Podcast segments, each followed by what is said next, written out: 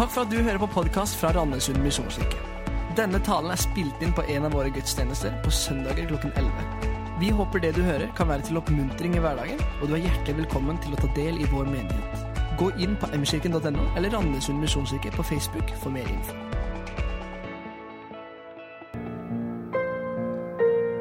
Kjære Jesus, jeg takker deg for din kjærlighet mot oss. Takk for at du har elsket oss sånn som vi sang om nå. Takk for at du er vår frelser, du er vår forsoner, Herre.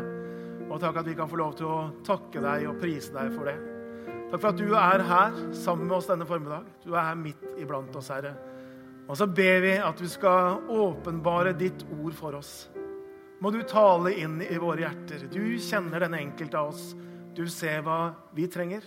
Jeg ber at du skal tale til oss i formiddag. Amen. Vær så god og sitt.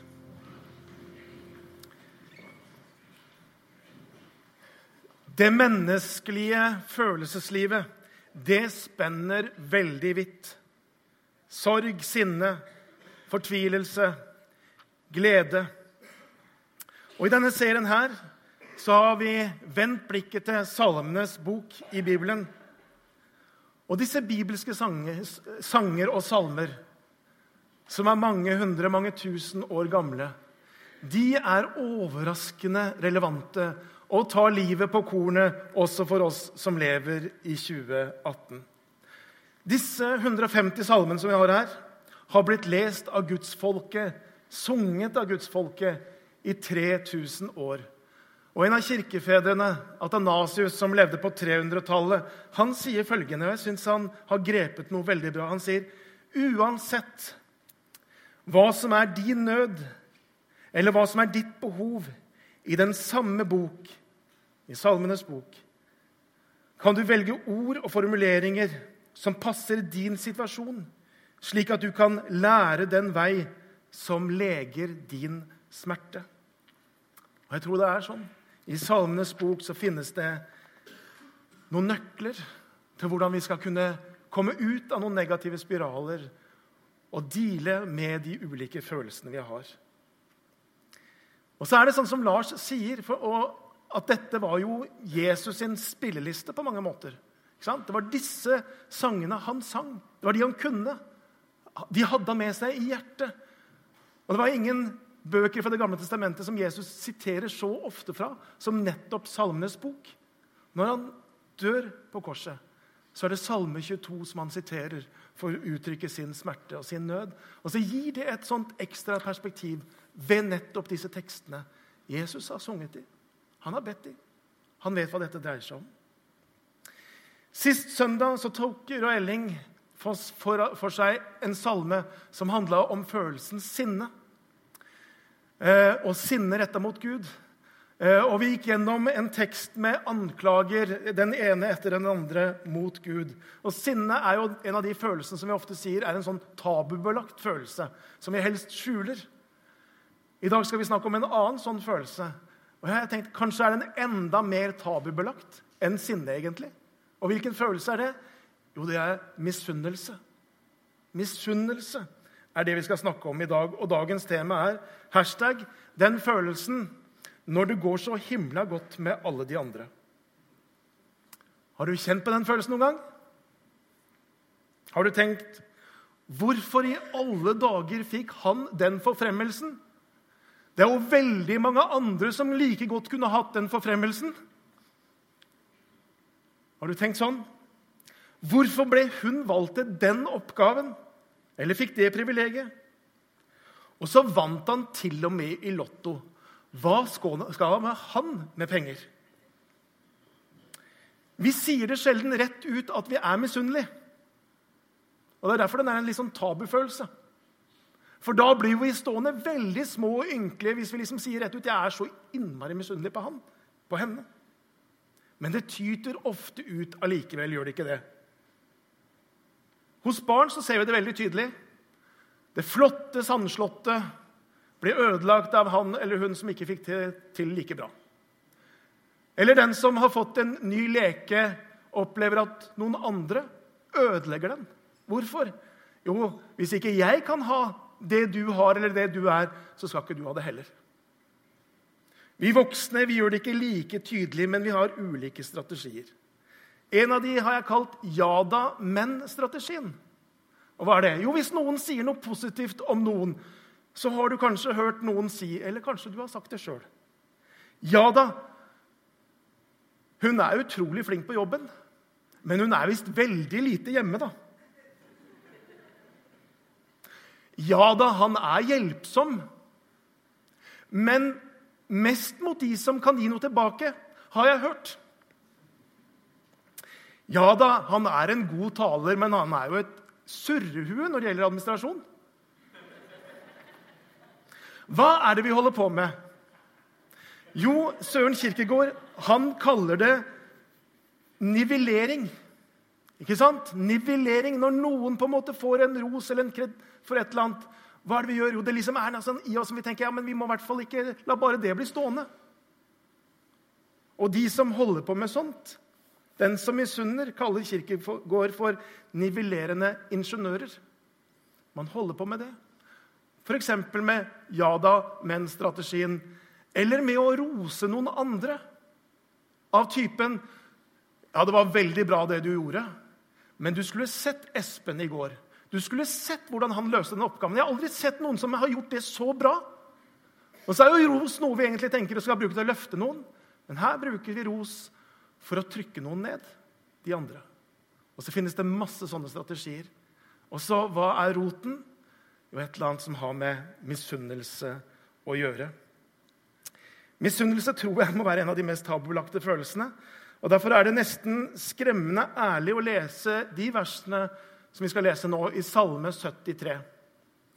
Det er nesten litt sånn pute-TV. Det er nesten sånn pinlig. Sånn er det.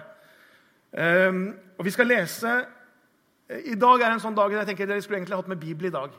Og Har du en mobil med en app på, så skal du få lov til å finne fram mobilen. Og så kan du få lov til å se teksten der, for Vi skal egentlig gå gjennom veldig mange vers i Salme 73, men vi kommer til å hoppe og sprette litt. Så det kan hende er lurt. Men vi starter i hvert fall med å lese eh, to avsnitter fra Salme 73. Først fra vers 3. Og der står det For jeg var misunnelig på de håndmodige. Jeg så det gikk det urettferdige vel. De er uten plage til sin død. Magen er god og mett. De lider ikke som andre mennesker. De blir ikke plaget som andre folk. Og slik fortsetter Asaf sin klage. Han sier, 'Derfor vender folk seg til dem og suger i seg deres ord.' De sier, hvordan, 'Hvordan skulle Gud vite om det?' Har den høyeste kjennskap til noe? Slik er de urettferdige.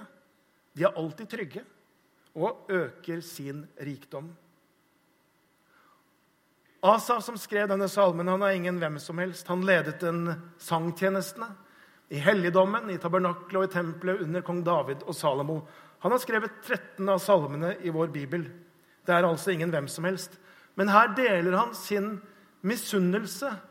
Og ikke bare til sin skriftefar. Nei da, han skriver en sang om det.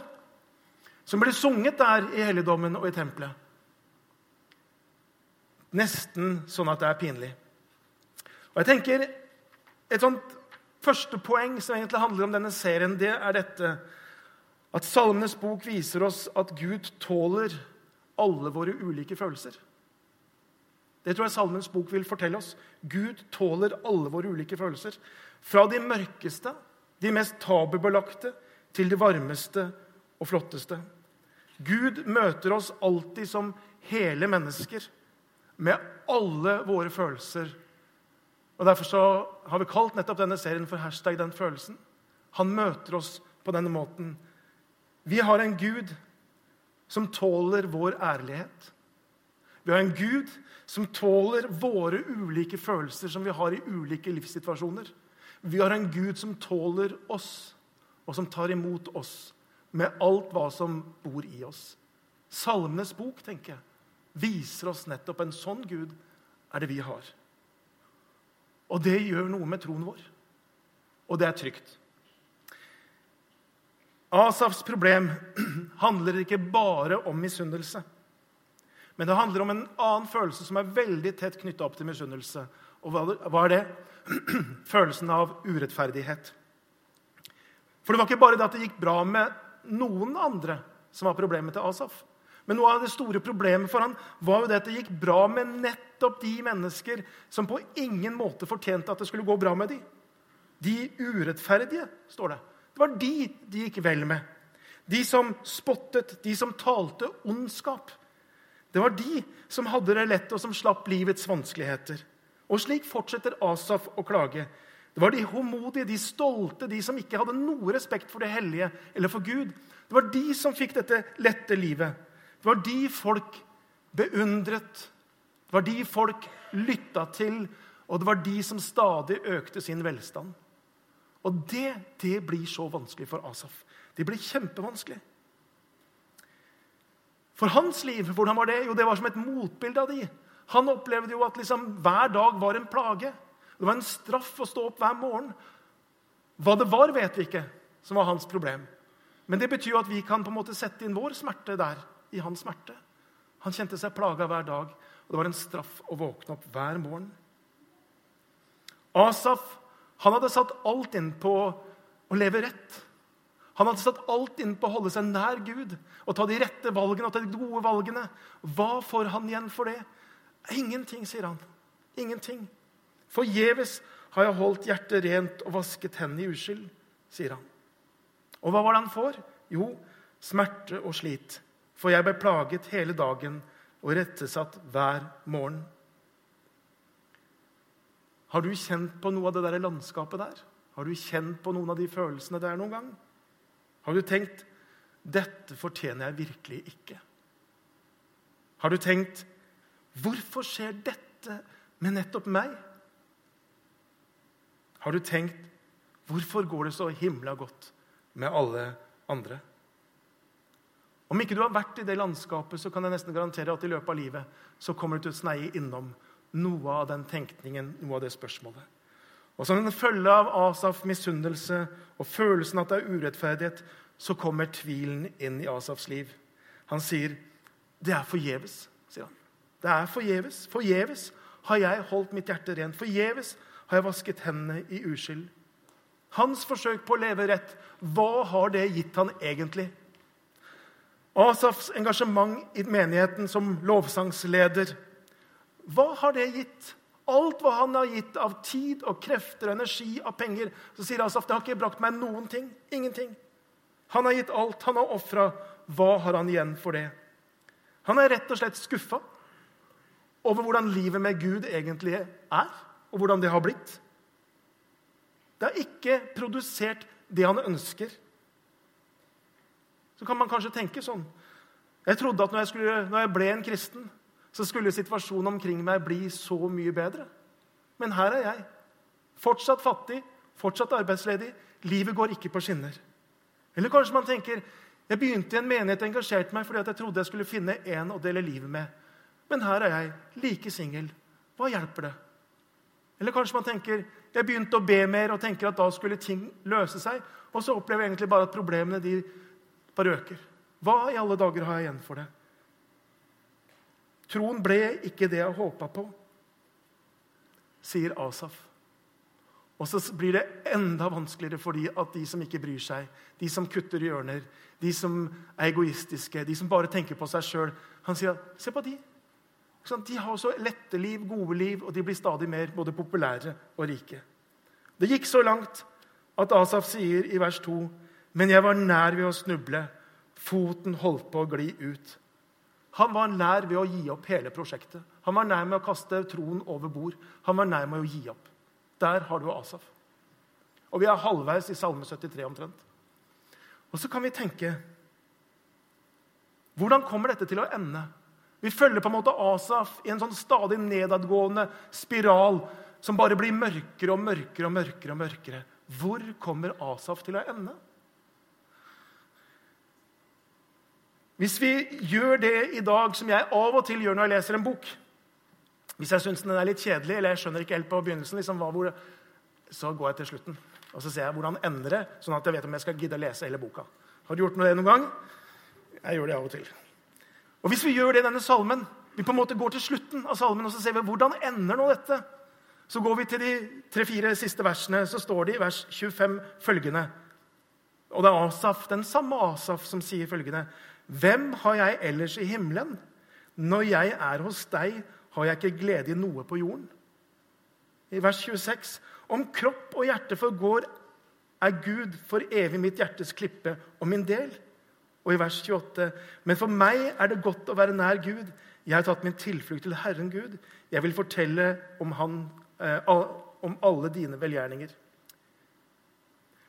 Den gode Asaf lander i denne salmen ser dere det? Et helt annet sted enn der det ser ut som han er på, en måte på vei. Det er liksom som et fly som tar av i Oslo på vei til London, og så ender det i Stockholm. Hva har skjedd? Hva har skjedd? De siste versene i Salme 73 de er veldig mye brukt til å preke over. Eh, det er ofte sitert i begravelser. Det står ofte brodert inn på bilder. De legges på Facebook. Det er på en måte noen av de versene som mer enn noe forteller om hvordan troen gir oss dypest sett alt, alt vi lengter etter.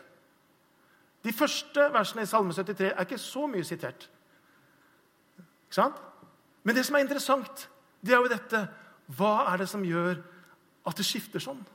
Hva er det som gjør denne forskjellen? For hadde vi visst det, ja, så kunne jo det ha hjulpet oss når vi er der Asaf er. Hadde vi visst hva som på en måte var vendepunktet for Asaf, så kunne vi ha lært noe om det når vi har disse negative spiralene, når vi sliter med tvil, misunnelse, følelse av urettferdighet. Og Det spørsmålet som i hvert fall jeg har lyst til å stille Asaf, og som kanskje du har lyst til å stille Asaf, det er jo dette Hva skjedde Asaf? Og heldigvis så forteller Asaf det. Og så skal vi gå til vers 17. Eh, Ehm, hvor det står Helt til jeg gikk inn i helligdommen, står det. Helt til jeg gikk inn i Guds helligdom. Så hans reise og negative spiral den fortsatte og fortsatte, fortsatte helt til han gikk inn i Guds helligdom. Og Hvis du har en bibel du kan sette et merke, så sett et merke her, for her vender hele Asafs historie. Her vender hele denne salmen. Her vender alt. Her blir alt snudd opp ned på mange måter. Asaf holdt på å gli ut. Han holdt på å miste fotfestet. Når du står på et glatt fjell og du holder på å skli ut, så vet du at det neste steget det er det mest avgjørende steget. For det steget du tar da, det kan enten føre deg ut i avgrunnen, eller det kan føre deg inn på sikker grunn. Asaf tar et steg inn på sikker grunn. Han tar et steg inn i Guds helligdom. Hva er det som skjer der? Vi skal se på fire ting. Fire elementer eller fire ting som Asaf møter der i Guds helligdom. For det første så møter han fellesskapet med Guds folk. For det andre så ser han virkeligheten med Guds perspektiv. For det tredje så aksepterer han Guds autoritet. Og for det fjerde så erfarer han at Gud er tilstrekkelig. Og så skal vi se på det i tur og orden. Jeg tror vi har greit med tid. Så det første som skjer, det er at der i Guds helligdom der møter han fellesskapet med de andre troende.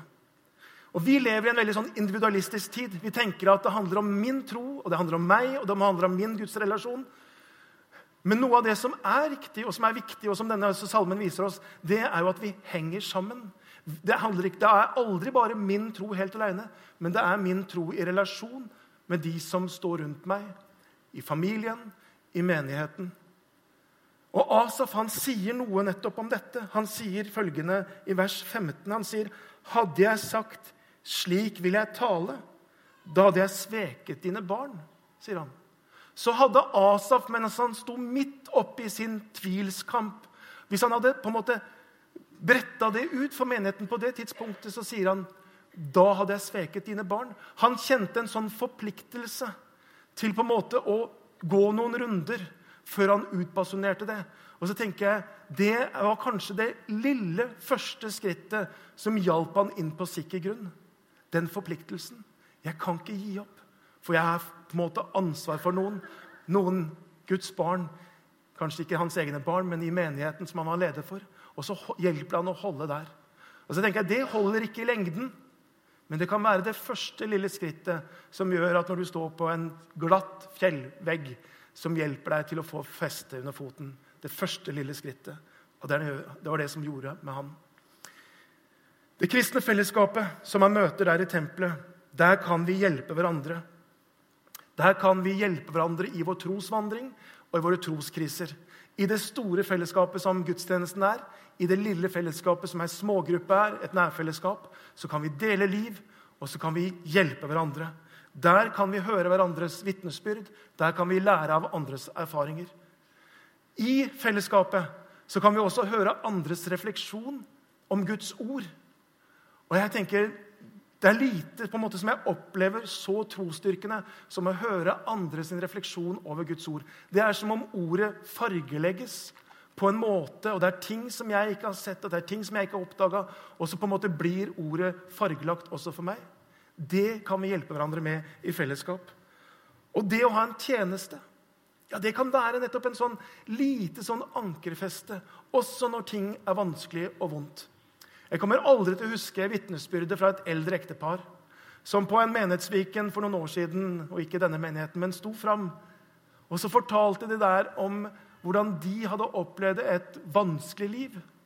Og deres livskamp var med en, en sønn som hadde vært heroinmisbruker i mange, mange år. Og så fortalte de hvordan det også på en måte hadde berørt deres tro, og de hadde så mange spørsmål og de hadde så mye smerte innenfor det. Og så sa de at det som har holdt oss oppe gjennom alle disse årene, det er det at vi gjennom alle disse årene så har vi hatt en tjeneste i menigheten. Så hver uke så hadde vi et sted å gå til. Om vi følte vi hadde lyst eller ikke, så hjalp det ikke, for vi visste det var vi som leda det arbeidet. Det var vi som hadde ansvaret. Og så hadde de det ansvaret gjennom mange, mange, eller flere tiår. Og så sa de det har holdt oss oppe. Og så er vi så takknemlige for det i dag. Og jeg tenker, Det er noe av det samme som Asa faktisk snakker om. Det der ansvaret, forpliktelsen. Jeg er nødt til å, å også på en måte tenke at mitt liv henger sammen med andres. Så Det var det ene Asaf møter der i helligdommen, fellesskapet med de andre troende. Det andre han møter i, i, Guds nærhet, i Guds helligdom, det er at han får hjelp til å se ting fra Guds perspektiv. Det står det helt til jeg gikk inn i helligdommen. Da skjønte jeg hvilken framtid de får. Han skjønner at det han beundrer de andre for, nytelsen, velstanden, populariteten, stoltheten, rikdommen Alt det der han, han skjønner at det der det er ganske kortsiktig. Det er ikke noe som varer veldig lenge. Han snakker, bruker et begrep det er som en drøm når man våkner. Så kortsiktig er det. Det er liksom det der lille glimtet av den drømmen du hadde natten før. Så kortsiktig er de tingene som han misunte de andre for. Hva betyr det vel i det lange løp? Når alt kommer til alt, hva betyr det om man har garasjen full av dyre, flotte biler? Når alt kommer til alt. Hva betyr det? Hva betyr det om man har et hus på 600 kvadrat med utsikt til Danmark? Altså, Hva betyr egentlig det, når alt kommer til alt? Eller om man har 5000 følgere på Facebook og får 500 likes på alt man legger ut. Hva betyr vel egentlig det, når alt kommer til alt? Eller om man har den perfekte kroppen, eller hva det nå enn er, som vi ofte misunner andre for. Hva betyr det egentlig? Det er veldig få som på slutten av sitt liv tenker det var det som var viktig i mitt liv. De tingene vi ofte misunner andre for. Det er helt andre ting som dypest sett vi vet er viktig. Og Et enda videre perspektiv så er jo livet her nede bare et øyeblikk sammenligna med det evige livet hjemme hos Gud. Derfor gjelder det som Paulus skriver til menigheten i Korint, at vi har ikke det synlige for øyet, men det usynlige. For det synlige tar slutt. Det usynlige, det er evig. Det er det perspektivet som teller i det lange løp. Og Asaf han har vært nærsynt og han har vært korttenkt, men i møte med Gud så får han hjelp til å endre fokus og endre perspektiv. Og så ser han plutselig ting helt annerledes. Og han sier om kropp og hjerte forgår, er Gud for evig mitt hjertes klippe og min del. Og så vet vi det, at kropp, det fysiske, det kommer til å få gå, alt sammen. Hva gjelder da? Jo, at vi har en klippe. At vi har en arv, en del som ikke forgår. Og det har vi hos Gud i himmelen. Han fikk hjelp til å se ting i et riktig perspektiv. Det er det andre. Det tredje det er dette at inn i helligdommen så får Asaf møte den hellige Gud. Og Asaf aksepterer på en måte at Gud er Gud. Han underlegger seg Guds autoritet. Så lenge han forsøkte å finne ut selv hvordan ting hang sammen. Så, måte, så lenge han prøvde med egne tanker å tenke hvordan, hvordan henger dette sammen, så ble det denne nedadgående spiralen som bare ble tyngre og tyngre og tyngre. Men når han på en måte lot det ned, la det ned, og så tok han inn hva Gud sier, så sier han følgende Eller han sier om denne nedadgående spiralen han sier, Så lenge jeg var bitter i hjertet, og det stakk i nyrene, var jeg dum og visste ingenting. Som et fe var jeg mot deg. Det var når han forsøkte å finne ut av tingene sjøl. Og det ble bare vanskeligere og vanskeligere.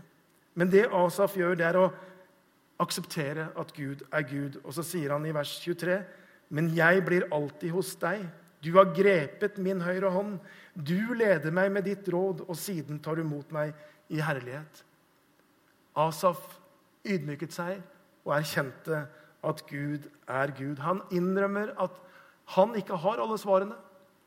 At han ikke på en måte finner ut av tingene, men at han kan få lov til å søke Gud, som finner ut, og som har svarene. Forfatteren Ernst Kurtz han skrev boken til anonyme alkoholikere for en del år siden. Og Da kaller han denne boken for 'Not Gods', altså ikke guder. Og I boken så skriver han at den viktigste enkeltstående faktoren for at en alkoholiker til å bli fri, det er en innrømmelse av at 'jeg er ikke Gud'. Han sier Det er den viktigste innrømmelsen. At 'jeg er ikke Gud'. Han sier at det fundamentale problemet hos en alkoholiker en rusmisbruker, ligger i dette at dypt inni seg så vil man ikke innrømme sine begrensninger, sine svakheter og den falne naturen.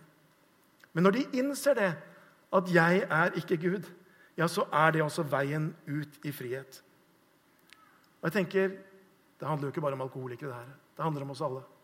Og så har vi alle våre bindinger og våre avhengigheter på ulik måte og våre måter å kompensere på. Jeg tenker friheten for oss alle er dette. Å faktisk innrømme at Gud er Gud, og jeg er ikke. Innrømme at det er faktisk han som vet, og jeg bare egentlig har mange spørsmål. Og når vi innrømmer det, ja, så er det veien Paradoksalt nok, kontraintuitivt nok, så er jo det veien til frihet. Det høres ut som det er en slavekontrakt. Men å erkjenne at Gud er Gud, er veien til frihet. I tempelet der Asaf gikk, så foregikk tilbedelsen.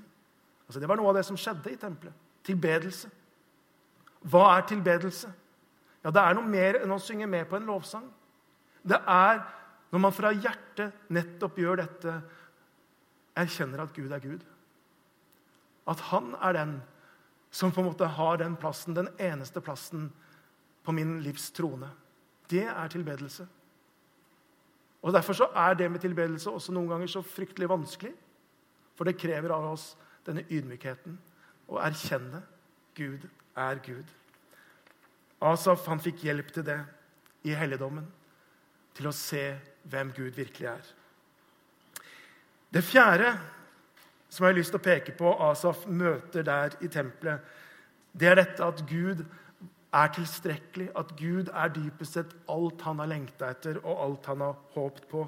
For Det var ikke bare noe som hadde med tenkningen å gjøre, det var ikke bare noe som hadde med perspektiv å gjøre, men det var der i tempelet så skjedde det noe veldig personlig. Det skjedde et møte med den hellige Gud der i tempelet.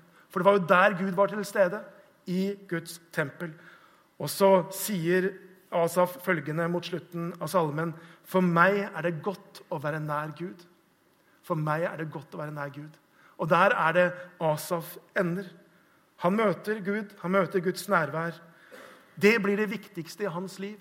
Og han skjønner at alt dette han har drømt om, egentlig, det er bare egentlig bagateller. Hus, popularitet, hva det nå er. Han sier det viktigste det er dette å kjenne Gud. Det viktigste er dette å være nær Gud. Det blir det viktigste i mitt liv. Og så sier han i vers 25.: Når jeg er hos deg, har jeg ikke glede i noe på jorden. Når jeg er hos deg, har jeg ikke glede i noe på jorden. Og Merker dere forskjellen? Fra å være innkrøket i seg sjøl, fra å være bitter, fra å være eh, misunnelig på en måte, ikke sant? Alle disse tingene som bare på en måte gjorde at ting ble vanskelig i hans liv. Så møter vi her Asaf, som har reist seg, som står der oppreist, og som har møtt Gud. Og så er han på en måte fullstendig fri. Når jeg er hos deg, så har jeg ikke glede av noe annet på jorden. Han er fullstendig fri. Fullstendig fri. For sånn er det når vi møter Gud.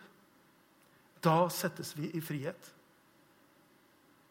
Der i tempelet så skjer det tilbedelse, men det skjer også noe annet. Midt i tempelet så står det et alter. Og På dette alteret så var det et offer som lå. Det var kanskje et dyr som lå der, som hadde gitt sitt liv. Og Noe av det som Asaf blir minnet om når han går inn i dette tempelet, det er at for meg å skulle tre inn i tempelet, så var det nødvendig for at noen ga sitt liv. Og så peker det fram mot den nytestamentlige tid, mot Jesus, mot Golgata, mot korset. Han som ga sitt liv for at vi skulle få lov til å tre inn i Guds nærhet. Og Det er på nådens grunnlag vi kan gjøre det.